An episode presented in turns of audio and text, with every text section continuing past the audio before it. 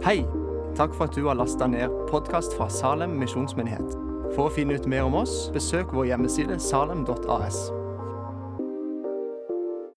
Eller så kan jeg like godt si det med en gang at jeg har klipt meg. I tilfelle dere ikke så det. Kunne du se det, Jan Egil? at jeg hadde klipt? Du så det, ja? Men det gror ut igjen, sier de. Det er det som er trøsten min på en første advent. Det gror ut. Ja, denne høsten her, Fint å se dere alle sammen. Det må jeg si først av alt. Veldig hyggelig. Og eh, Denne høsten så vil de aller fleste av dere vite at vi har hatt en ganske lang taleserie som har eh, tatt oss igjennom avsnitt for avsnitt i Galaterbrevet. Den er vi ferdig med nå.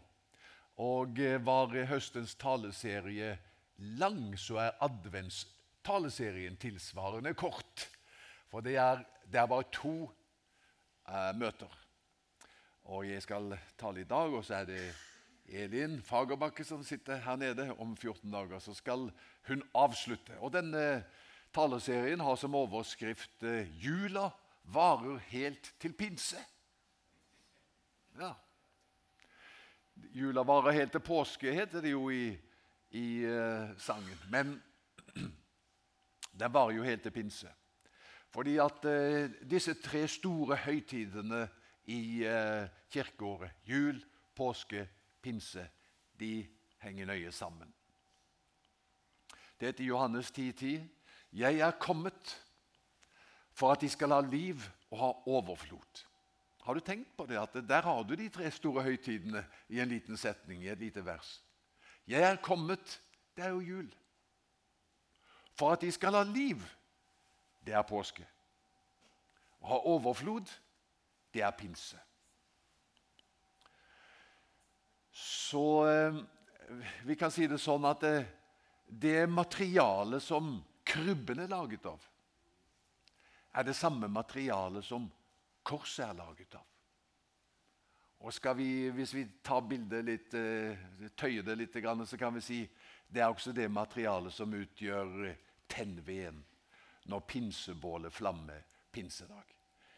Jul, påske, pinse det, det, henger sammen. Nå skal jeg i dag eh, konsentrere meg om den første delen av liksom, Johannes 10 da jeg er kommet. Og Da skal jeg ta dere med til eh, Matteus evangelium, kapittel 1, versene 1-17. Og det er jo Jesu stamtavle. Og jeg vet ikke om jeg noen gang, jeg tror faktisk ikke jeg noen gang har i et møte lest hele den stamtavlen. Eller talt over den, faktisk. Men det skal jeg altså gjøre i dag. Det er jo en lang opplisting av navn.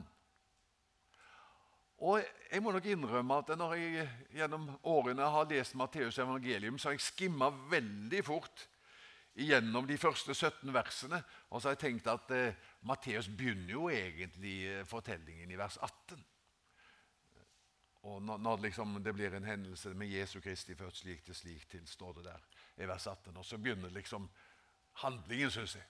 Men altså de første 17 versene det er vers som eh, ikke er der uh, uten en grunn. Og Det som vi skal se, det er det at uh, det er veldig masse gode nyheter pakket inn i denne oppramsingen av navn. La oss lese dem først, fra vers 1. Og I teksten som eh, du får på skjermen, så er det noen navn som er blinket ut med rødt. og Det er fordi at de skal jeg komme tilbake til. Dette er ettertavlen til Jesus Kristus, Davids sønn og Abrahams sønn. Abraham fikk sønnen Isak. Isak fikk Jakob. Jakob fikk Juda og brødrene hans. Juda fikk sønnene Peres og Sera med Tamar. Peres fikk Hesron. Hesron fikk Aram. Aram fikk Aminadab. Aminadab fikk Nashon. Nashon fikk Salma. Salma fikk sønnen Boas med Rahab. Boas fikk sønnen Obed med Ruth. Obed fikk Isai, og Isai ble far til kong David. David fikk sønnen Salomo med Urias kone. Salomo fikk Rehabiam, Rehabiam fikk Abia, Abia fikk Asa. Asa fikk Josjafat, Josjafat fikk Joram, Joram fikk Usia. Usia fikk Jotam, Jotam fikk Ahas. Ahas fikk Hiskia, Hiskia fikk Manasse. Manasse fikk Amon, Amon fikk Joshia. Og Joshia ble far til Jojakin og brødrene hans på den tiden da folket ble bortført til Babylon. Etter bortføringen til Babylon fikk Jojakin sønnen til Shealtiel. Shealtiel fikk Serubabel, og Serubabel fikk Abiud. Abiud fikk Eliakim, Eliakim fikk Asur. Asur fikk Sadok, Sadok fikk Akim, Akim fikk Eliud. Eliud fikk Eliasar. Eliasar fikk Matan. Matan fikk Jakob, og Jakob ble far til Josef, Marias mann. Av henne ble Jesus født, han som kalles Kristus. Altså er det i alt 14 slektsledd fra Abraham til David, 14 ledd fra David til bortføring til Babylon, og 14 ledd fra bortføring til Babylon og fram til Kristus. Amen. Det var dagens tekst. Nå er du spent.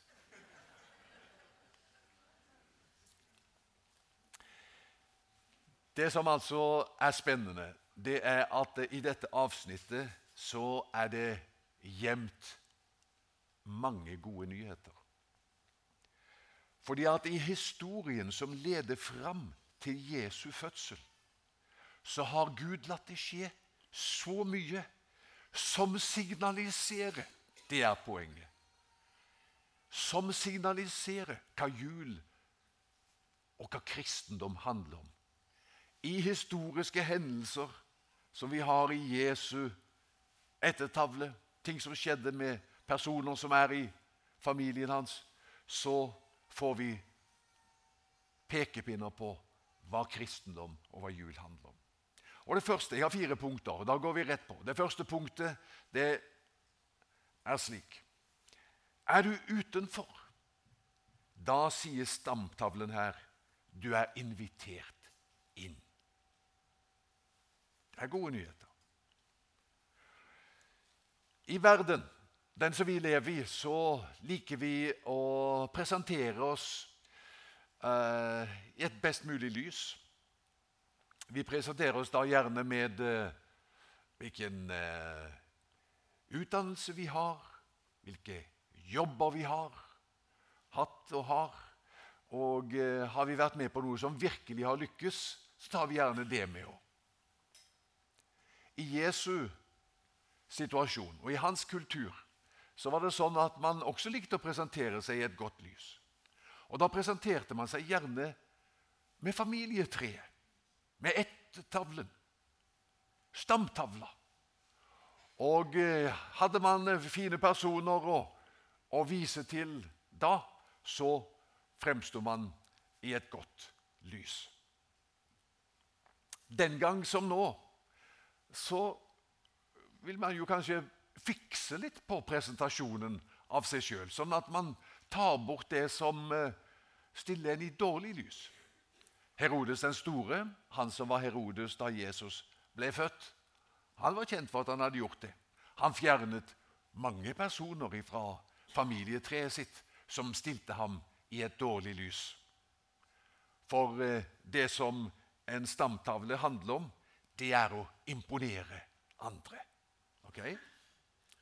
Og Når vi da leser denne stamtavlen her, så er den sjokkerende annerledes.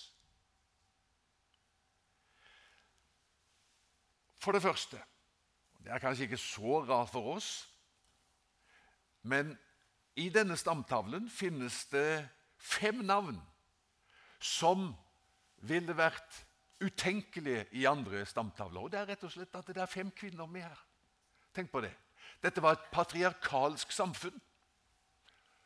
Langt unna det samfunnet vi har i dag, og det får vi vel si heldigvis til. Men da var det svært uvanlig at kvinner fantes i en sånn slektstavle. Og i alle fall ikke fem av dem. Så det er det ene. Disse kvinnene de var i utgangspunktet utafor. Hvis du spurte dem vet du hva utenforskap er for noe, så visste de alt om det. De var kvinner. Men her er de med. For det andre så er tre av disse fem kvinnene hedninger. Og det forsterker opplevelsen av å være utenfor. For hedningene var urene. De hadde ikke tilgang til eh, tempelet. Ikke nok med det. Flere av disse kvinnene hadde også et tvilsomt rykte. Tamar, eksempel. Vi leser om henne i vers 3. Tamar. Hun hadde et tvilsomt rykte. Hun, ja, hun var jo blitt lurt selv av svigerfar Juda. Men hun eh, tok hevn, kan du si. Hun lurte svigerfar også, faktisk talt. Hun ga seg ut for å være prostituert. Og så lå de med hverandre, Tamar og svigerfar. Det kommer litt an på hvordan man definerer incest, men egentlig innenfor en vid eh, definisjonsramme er dette incest. Messias kommer fra Tamar og en dysfunksjonell familie. Vi leser også i eh, denne eh, oppregningen her eh, om en annen kvinne, Rahab. Husker dere henne? Har dere lest om Rahab? Kanskje? Jossaboken, kapittel 2. Speiderne skal liksom sondere terrenget der i, i Jeriko. Og så tar de inn hos Rahab. Hun var en prostituert. Så utenfor, kan vi godt si. Så hva er det Matteus vil fortelle oss bare med å liste opp disse navnene? Da vil han fortelle oss at den som er marginalisert, utstøtt ifra kulturen de lever i, eller er satt på sidelinjen, kjenner på utenforskap Du kan bli med i Jesu familie. Det er budskapet. Den gang tenkte folk hvis du vil være hellig, må du holde deg unna urene folk, sånn som hedninger. For da blir du uren selv òg. Men Messias han snur opp ned på dette. Vi, Det er ikke sånn at han blir smittet av oss, men vi blir smittet av ham. Derfor så sier han at eh, Kom! I Jesaja 1,18 står det 'Kom, la oss gå i rette med hverandre'. Om deres synder er røde som skarlagen, skal de bli hvite som ull. Om de er røde som purpur, skal de bli hvite som snø. Altså, det er ikke, det er ikke Når Messias har kontakt med oss, så er det ikke han som blir uren, men vi blir rene. Sant? Vel, så har vi jo en konge også her da, i denne listen av navn. Kong David. Og det er klart, en konge vil vi jo ha i slektstavla. Det hjelper på å kunne peke på det. Ja, men hva er det Matteus sier om David? Han sier David, vers 6 eh, David fikk sønnen Salomo med Urias kone. Her blir vi minnet om en tragisk hendelse igjen. Uria. Husker du historien om han? Han var en av Davids mest betrodde menn en av de modigste. En djerv kriger. Et hode høyere enn de andre raget han i forhold til det å være eh, å utvise heltemot. Denne mannen som kjempet for David, bedro David. Altså David bedro ham. Lå med hans kone. Og så Når han skjønner dette her, det, så får, blir hun med barn. og Når han skjønner hva som har skjedd, så prøver han jo å fikse dette. Og Det ender jo med at han sender Uria ut i krigen på en post som innebar hans sikre død. Derfor har vi jo uttrykket om å få en Urias post. ikke sant? Altså Da blir du plassert på et sted. Det kan ikke gå godt. Og slik gikk det ikke for David heller. Det gikk ikke godt. Nei, eh, for Uria. Det gikk ikke godt. Han døde. Og eh, så er det at eh, at eh, David da gifter seg med hans kone Batseba, og så får de etter hvert Salomo. Messias kommer altså fra David, som har slike grove karakterbrister. Tenk på det! På et vis hadde jo David alt det som kvinnene ikke hadde. Han hadde makt, han var mann, han var jøde, han var kongelig.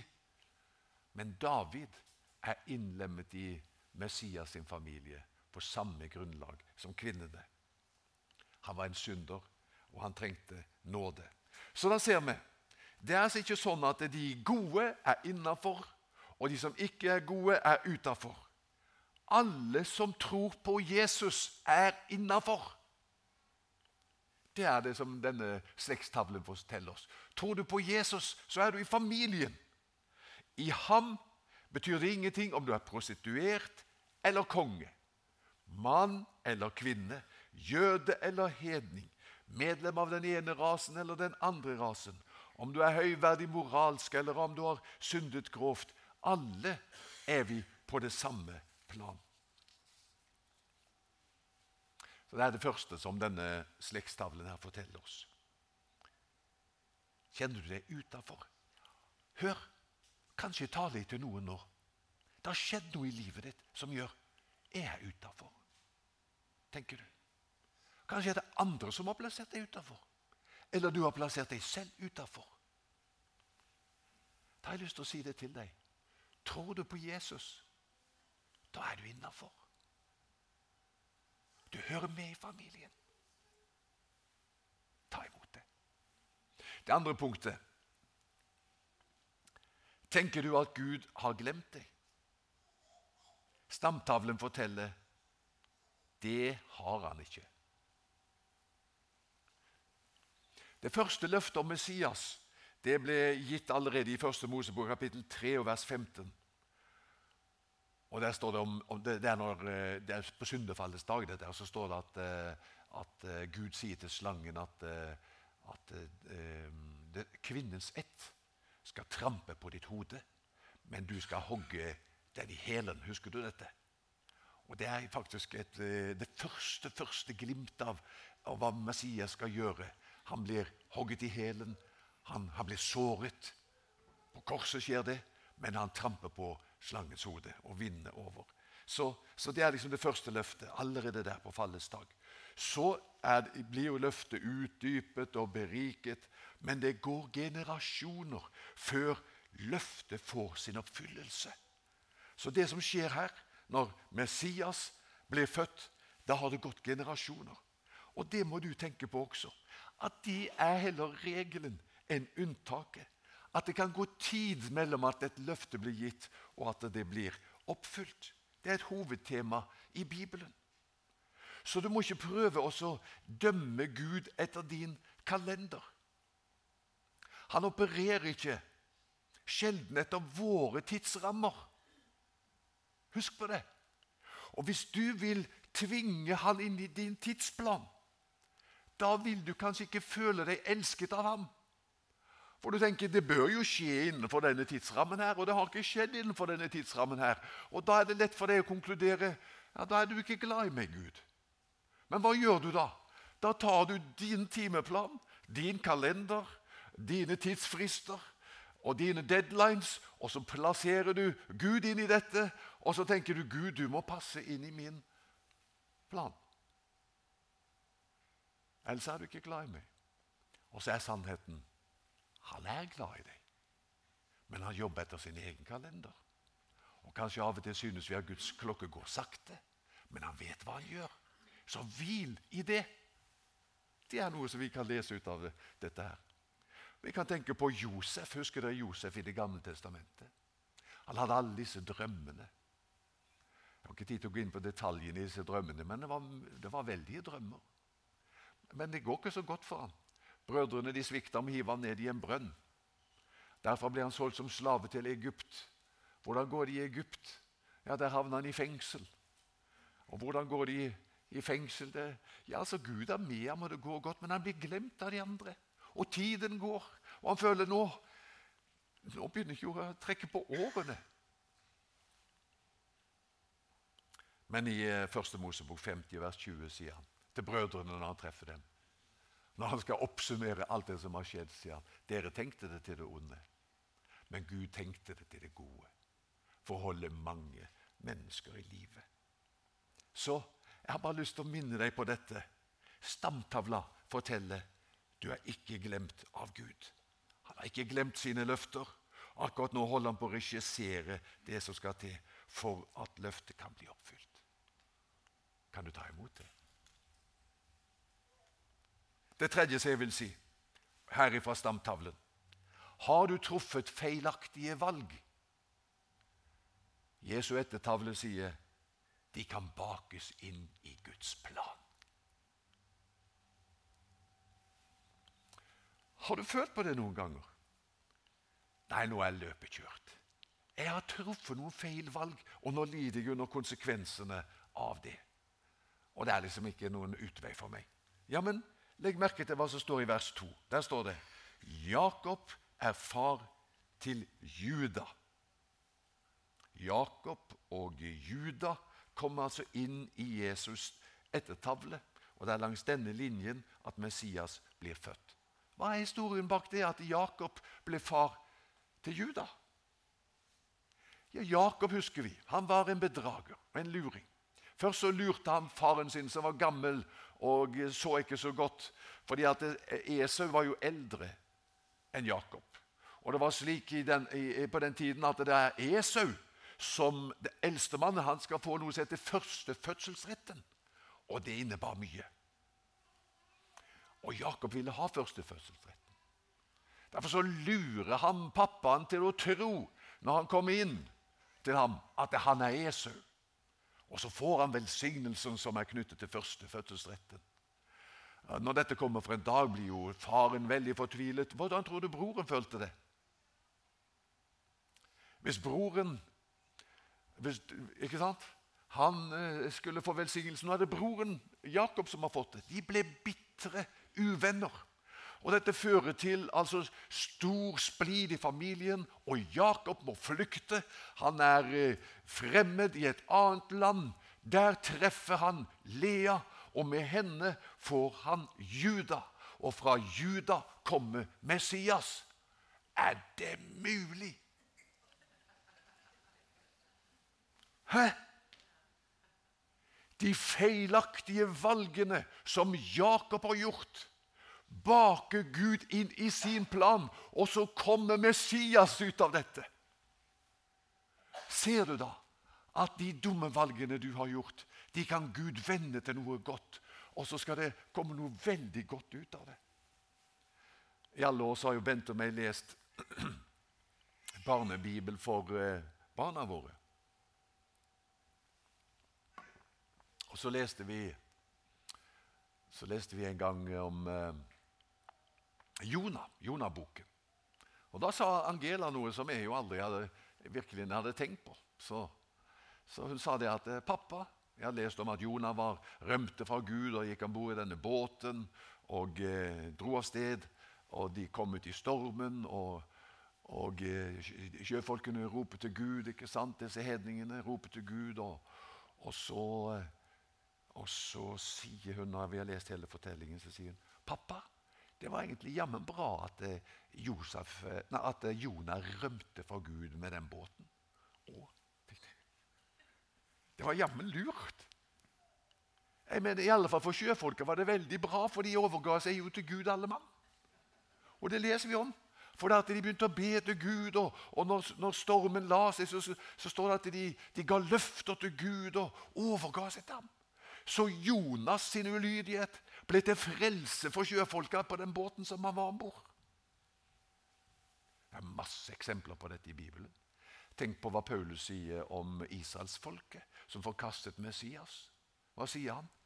Bra for dere hedninger. Deres ulydighet gjorde at dere ble frelst. Og nå skal deres frelse føre israelsfolket inn igjen. Nå. Så han sier, 'Gud, du er stor, og dyp av visdom og rikdom hos Gud.' Din forstand overgår alt hva vi kan liksom lodde dybden i. Så jeg har bare lyst til å minne deg på det. Har du truffet feilaktige valg? De kan Gud bake inn i sin plan. Til slutt, siste punktet. Lengter du etter mer? Stamtavla forteller tiden er kommet. Og Da er vi i vers 17. Jeg kan lese det en gang til. Her står det altså er det i alt 14 slektsledd fra Abraham til David. 14 ledd fra David til bortføring til Babylon, og 14 ledd fra bortføring til Babylon og fram til Kristus. Matteus gjør et stort poeng ut av syvtallet. Og syvtallet er jo viktig i Bibelen. Hvorfor er syvtallet viktig i Bibelen? Jeg lærte jo for mange år siden syv er fullkommenhetens tall. Hvordan er det? Ja, Gud hvilte på den syvende dagen. Og Da hadde han fullført skaperverket. ikke sant? Hvile på den syvende dagen. Og syvtallet er viktig for eh, Matteus her, for han sier at eh, fram til Kristus er det seks slektsledd på syv eh, generasjoner. Seks, seks ledd, slektsledd på syv generasjoner. Hvordan, hva er bakteppet for det? Bakteppet er at Gud hviler da på den syvende dagen. Og så er det sånn at hvert syvende år var det sabbatsår. Og så det syvende sabbatsåret. Det blir det 49. eller det 50. Der er det litt eh, sånn der, Hvordan eh, teller man? Hvordan regner man? Ehm, så var jubelåret Det heter ikke jubelår lenger, men vi vokste jo opp med Bibelen hvor det står 'jubelår'. Og Jeg tenkte at det hadde med jubel å gjøre, men, eh, men for så vidt hadde det det. Men jubel kom av det hebraiske 'jobel', som betyr bukkehorn eller, eller trompet. Men, eh, men, sånn at når det, det syvende av de syv slektsleddene inntrådte, da er vi på det 49. året. Det er frigivelsesåret. Hva skjedde da? Hoi! Da skjedde det mye. Det var på den store forsoningsdagen. Man blåste i bukkehornene, annonserte utover hele Israel. Tiden er kommet. Hva skjedde da? Slavene fikk sin frihet. Gjeld ble ettergitt. Lengter du etter jubelåret? Gjeld ble ettergitt. Man fikk den tapte eiendom tilbake. Hadde du måttet forlate gård og grunn og selge deg som slave, så kom, eh, så kom uh, jubelåret. Da fikk du den familiegrunnen tilbake. Og så var det hvile. Det syvende året var jo et hvileår, og uh, det syvende av syv sabbatsår det var jo jubelåret. Det innebar også da hvile. Dette sabbatsåret det syvende sabbatsåret, altså eh, jubelåret eller frigivelsesåret, det er et bilde på den hvilen som skal komme når eh, Jeg må ha litt mer kaffe. Hører du det? Når, eh, når Gud skaper en ny himmel og en ny jord. Les Hebreerbrevet 4. Det tales om den hvilen som ligger foran. Det er sabbatsåret. Det syvende av de syv. Men allerede nå kan du smake på den hvilen. Sabbatsåret, frigivelsesåret, her er kommet. Jesus sier, vet du, 'Herrens sånn er over meg'. Han har salvet meg til å forkynne et gledesbudskap for fattige. Han har sendt meg for å kunngjøre fanger skal få frihet, blinde får sitt syn, sette undertrykte fri og rope ut et nådens og rope ut et nådens år fra Herren. Det er det syvende av de syv sabbatsårene. Det er jubelåret. Han sier, 'Sett trompetene for munnen. La det lyde ut.' Ja, det, det er helt preken i seg selv. Jeg kan, kan ikke komme inn på det. Men bare la meg si den hvilen som du kan smake på nå. Det er for det første den hvilen som ligger i dette at du trenger ikke lenger å framstille deg selv som god. Hvor mye vi strever med det. Evangeliet fritar deg fra den største av alle byrder. Og det er byrden av å bevare bildet av deg selv intakt som den som er rettferdig og hellig og god. Og vi bruker masse energi på å, å holde dette intakt og liksom bevare bildet og fremstille oss i best mulig lys. Evangeliet sier det trenger du ikke. I Guds rike kan du ha brutt alle budene eller holdt dem alle. Det er saken uvedkommende. Det er kraftigere, den setningen, Sala. La du merke til den? Jeg tror jeg må si det en gang til. I Guds rike kan du ha holdt alle budene eller brutt dem alle. Det er saken uvedkommende. Den prostituerte og kongen kommer til Kristus, begge like tomhendte, og går derifra begge like rike. Der er vi. Så det fritar deg fra en stor byrde at du må fremstille deg selv som god. En av de første sangene som jeg sang Jeg har vært sangevangelist i, i en gang i tiden. Det visste du ikke, men jeg har faktisk det. Sammen med Halvard Hasseløy. Kjenner du han? Vi har vært sangevangelister skal jeg si, i Hallingdal. Hadde vi teltmøter. Der skulle du vært. Men da sang vi 'Jeg er kun en synder', men Gud har meg kjær. Å, og skal jeg love deg, vi la kraft på den derre 'å'. Å, hvor Gud har vært god imot meg. Når mest jeg trenger, han alltid er nær. Å, hvor Gud har vært god imot meg. Jeg kunne synder, men jeg sitter ved kongens bord. Ja, Så det er det ene. Og det siste i forhold til dette her med hva stamtalen forteller om, om sabbatsåret som har brutt inn med Jesus. Frigivelsesåret. Du kan også hvile fra vanskeligheten i verden. Det òg er en hvile. Er du kontrollfrik? Nå ser jeg på deg. Er du kontrollfrik? Føler du at du må kontrollere alt som skjer? At alt skal bli rett? Det er umulig. Jeg kan si det bare til deg med en gang. Det er helt umulig. Du kan ikke kontrollere alt som skjer rundt omkring deg, verken i familien din eller i menigheten eller i samfunnet. At alt blir rett. Du kan ikke kontrollere det. Men jula forteller én ting. Selv om det ser ut som at ting går helt feil, er Gud på tronen. Og han skal bringe alt i rett skikk. Han har kontroll. Jeg kan hvile fra det, og så kan jeg stole på det. Du skal bringe alt i rett skikk til slutt. Det er sabbatshvilen her og nå. Du kan smake på det allerede nå, som skal komme en gang. Så det var det som jeg hadde lyst til å dele med dere i dag. Hva sier stamtavlen? Er du utenfor? Føler du deg utenfor? Du er invitert inn. Tenker du at Gud har glemt deg? Det har han ikke. Har du truffet feilaktige valg? De kan bakes inn i Guds plan for livet ditt. Lengter du etter mer? Sabbatsåret er kommet. Og han sier til deg, 'Kom til meg, alle som strever og tungt å bære. Jeg vil gi deg hvile.' Herre, vi takker deg for eh, jula. Vi takker deg for at eh, du er kommet. Det gikk mange generasjoner fra det første løftet til du kom. Og du kom ikke på den måten vi hadde ventet. Vi lette kanskje etter deg i slottet.